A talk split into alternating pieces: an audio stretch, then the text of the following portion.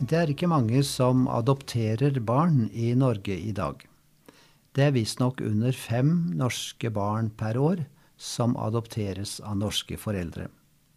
Reglene er at biologiske foreldre må godta det, og de har angrefrist etter at barn er født, men deretter skal foreldre og adopsjonsforeldre være anonyme for hverandre, avtalen kan ikke gjøres om, og barnet kan først når det er 18 år gammelt, få vite hvem som er biologiske foreldre. Som sagt, adopsjon av norske barn er svært sjeldent.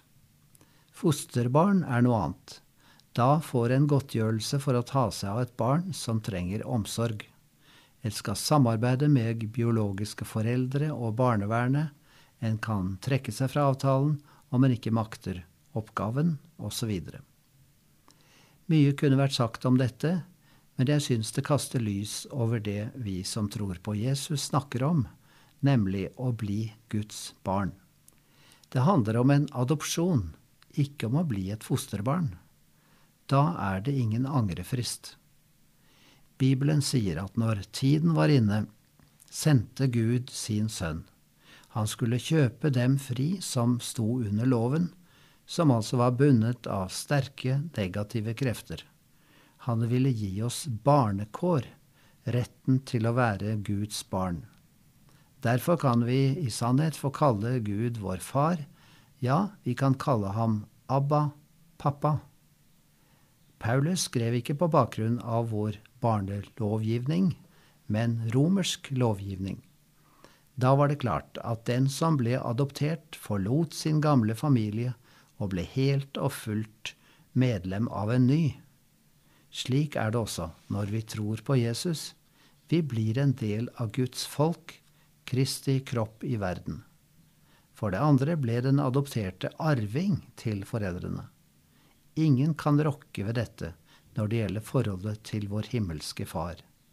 Bibelen sier, er vi barn, da er vi også arvinger. Vi er Guds arvinger, og Kristi medarvinger.